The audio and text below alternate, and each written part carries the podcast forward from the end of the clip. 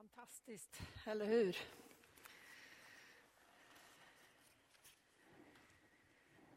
Dagens bibeltext är ifrån Lukas 10 och 38 till 42.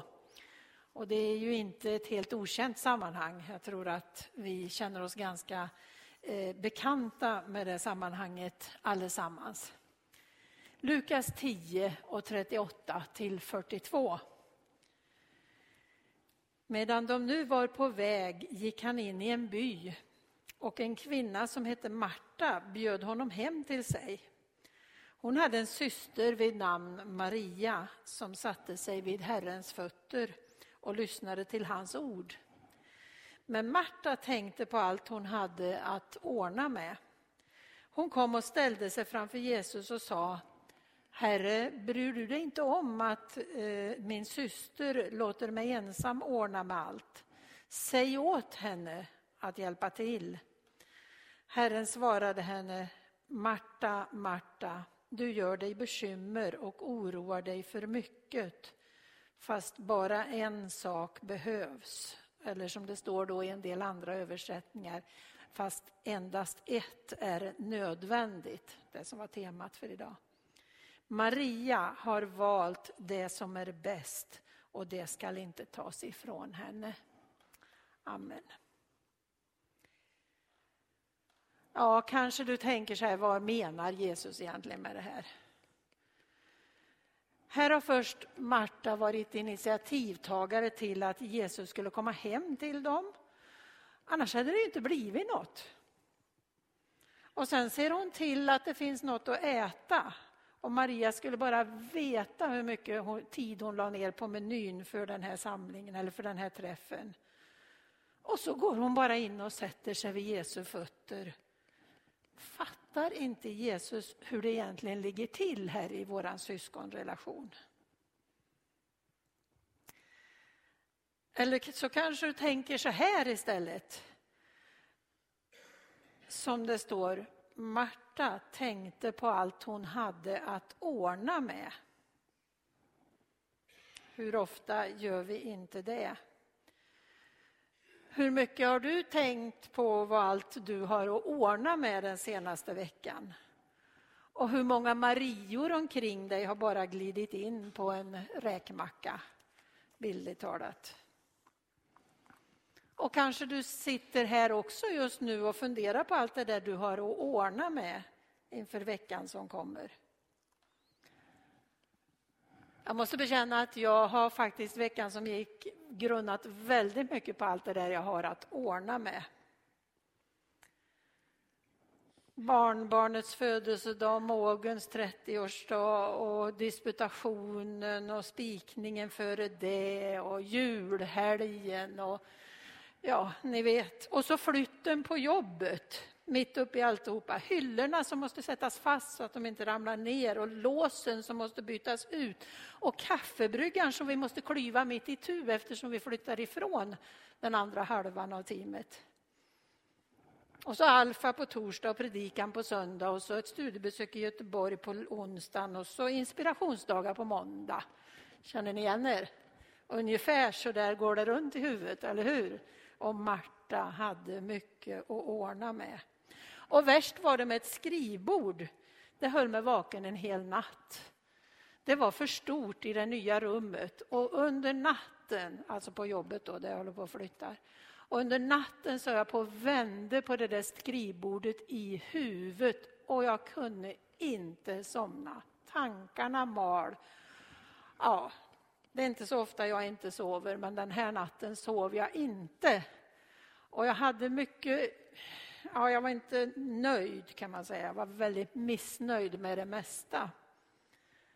Och så slog det mig, på söndag ska jag predika om ett som är nödvändigt. Endast ett är nödvändigt, inte kan det vara skrivbordet. Och jag började vara så trött och så orolig för att jag inte sov så jag bad till Gud, ska jag kunna predika på söndag om ett är nödvändigt så får du låta mig släppa tanken om skrivbordet nu och somna. Och vet ni vad som hände? Jag somnade bums, jag tror inte jag hade tänkt tanken till slut och jag sov så hårt så jag hörde inte när gubben min gick till jobbet. Så jag fick faktiskt bönesvar på den punkten. Därför vågar jag stå här och predika idag. Men nu till texten. Endast ett är nödvändigt. Låt oss innan vi går vidare in i texten stanna upp och be. Reflektera inför Gud. Vad är nödvändigt?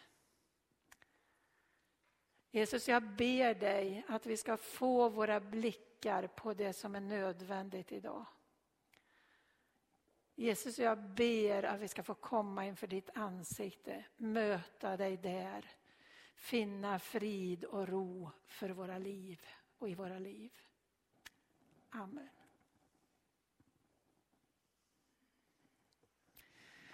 Ja, en del kommentatorer skriver att det här handlar om diakoni och liturgi. Högtravade ord kanske, men det handlar alltså om antingen då att tjäna eller att vara i, inför ordet. Och så ställs det i motsats och så, så tänker man då, ja men Maria hon hade ju valt det goda, hon hade valt liturgin. Och det här med diakonin då, kanske tänker man då, menar Jesus att vi inte skulle syssla med det?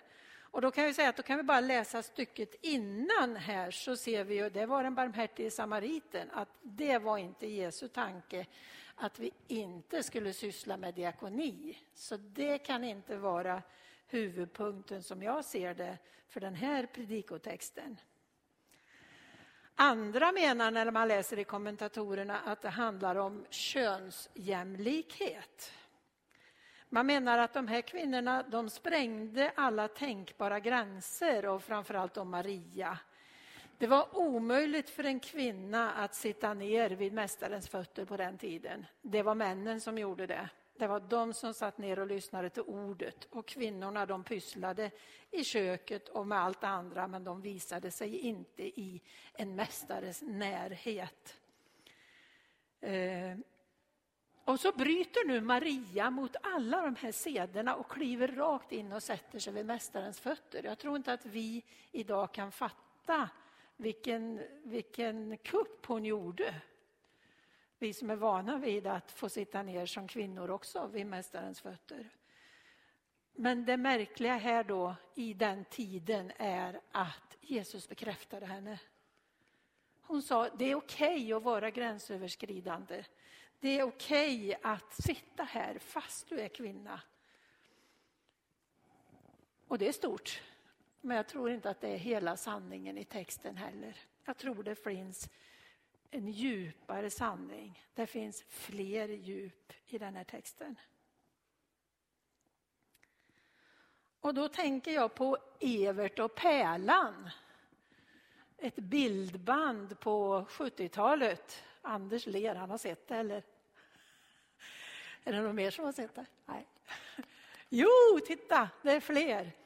Evert, han läste i en bok om en fantastisk pärla. Evert var närking och stor och rund. Och det är ett bildband som är ganska mycket hurtig och som inte finns i dagens IT-värld men som fanns i 70-talets IT-värld.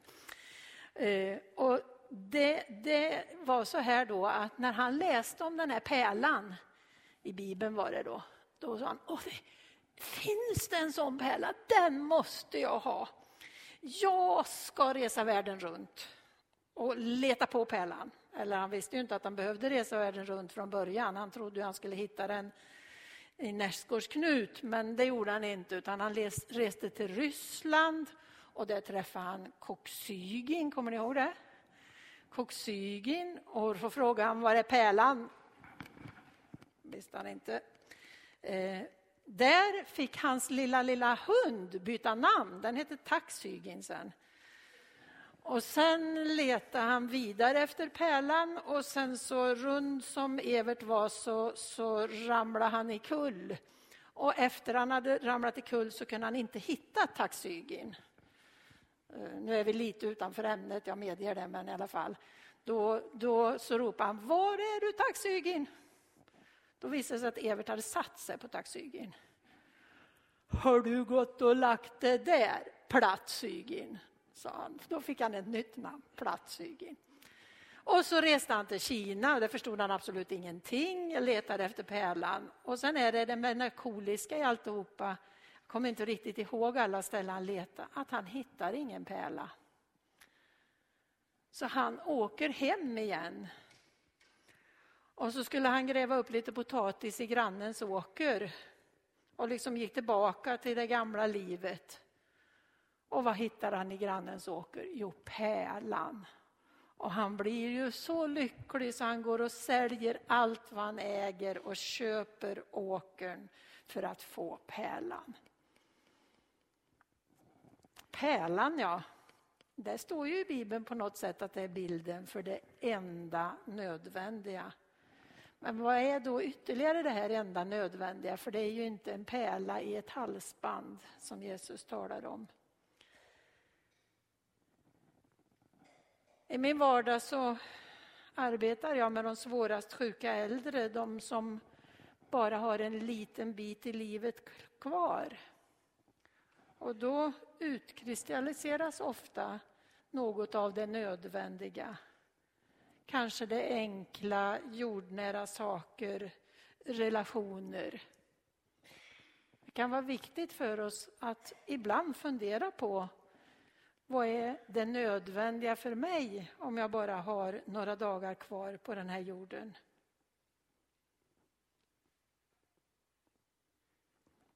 Ja, vad är nu då det enda nödvändiga? Jag tror att det finns en skatt gömd i den här texten. Och ska vi uttrycka det i termer som att det enda nödvändiga är relation till Jesus istället för gärningar. Eller tro istället för gärningar, som vi talar om i andra sammanhang. Det ligger så djupt i oss att prestera, så fast vi vet att det endast är att tro så räknar vi gärningarna. Marta spökar i oss stup i kvarten. Jag måste vara duktig. Hon tänkte på allt hon hade att ordna med. Men, säger Bibeln, det är inte gärningarna som för oss till Kristus. Det är tron, det vill säga tilliten, närvaron vid fötterna, relationen med Jesus. Jag har gått och grunnat på hur egentligen den här bibelsnutten skulle sluta om vi fick reda på resten. Jag har fyra alternativ. Ni vet, det slutar ju egentligen med att Maria sitter där och vi vet inte riktigt hur det går med Marta, eller hur? Eh, den första alternativet är att jag tänker Marta blev så arg, knöt näven i bordet och sa det här var för bedrövligt, jag går. Det är alternativ ett. Alternativ två det är att Marta blev riktigt arg men hon behöll skenet uppe och ordnade måltiden och fortsatte att stöka men i hjärtat hade det grott en bitter rot som gjorde att relationen till både Jesus och Maria gick sönder. Eller alternativ tre. Marta sa okej, okay, jag förstår. Får jag också sitta ner en liten stund så ordnar jag med maten sen. Och så blev det en liten halvhjärtad närvaro med tanken ändå i köket fast hon satt där vid fötterna och knappast någon jordmån för en växande relation. Eller som fjärde alternativ, Marta sa, okej, okay, jag prioriterar också relationen med dig och jag sätter mig här. Och så kanske det gick en eller två eller tre timmar och de pratade om allt det viktiga och de hade en underbar stund. Och sen blev Jesus hungrig. Och då gick han ut i köket och grejade med maten och Marta och Maria följde med. Ja, vad är nu det nödvändiga? Jag tror att vi får be tillsammans över det veckan som kommer. Vad är det nödvändiga? Men som det är idag så skulle jag vilja formulera det så att det är att ha en relation med Jesus själv som går först. Allt som stör relationen med Jesus själv reagerar han på. I det här fallet reagerade han på Marta, för det störde relationen med Jesus själv. I andra fall reagerar han på fariseerna när de rabblar tomma ord istället för att ha en relation med Jesus själv. I andra, reagerar, I andra sammanhang reagerar han på lärjungarna, på de vuxna som höll barnen borta och störde den naturliga relationen som barnen hade med Jesus själv. Och inget får stå i vägen för relationen med Jesus. Han älskar dig och vill ha dig nära sig. Allt som kommer i vägen och stör relationen mellan dig och Jesus måste Jesus reagera på.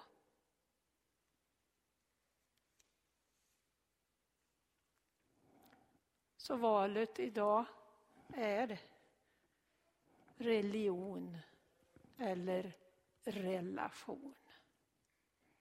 Amen.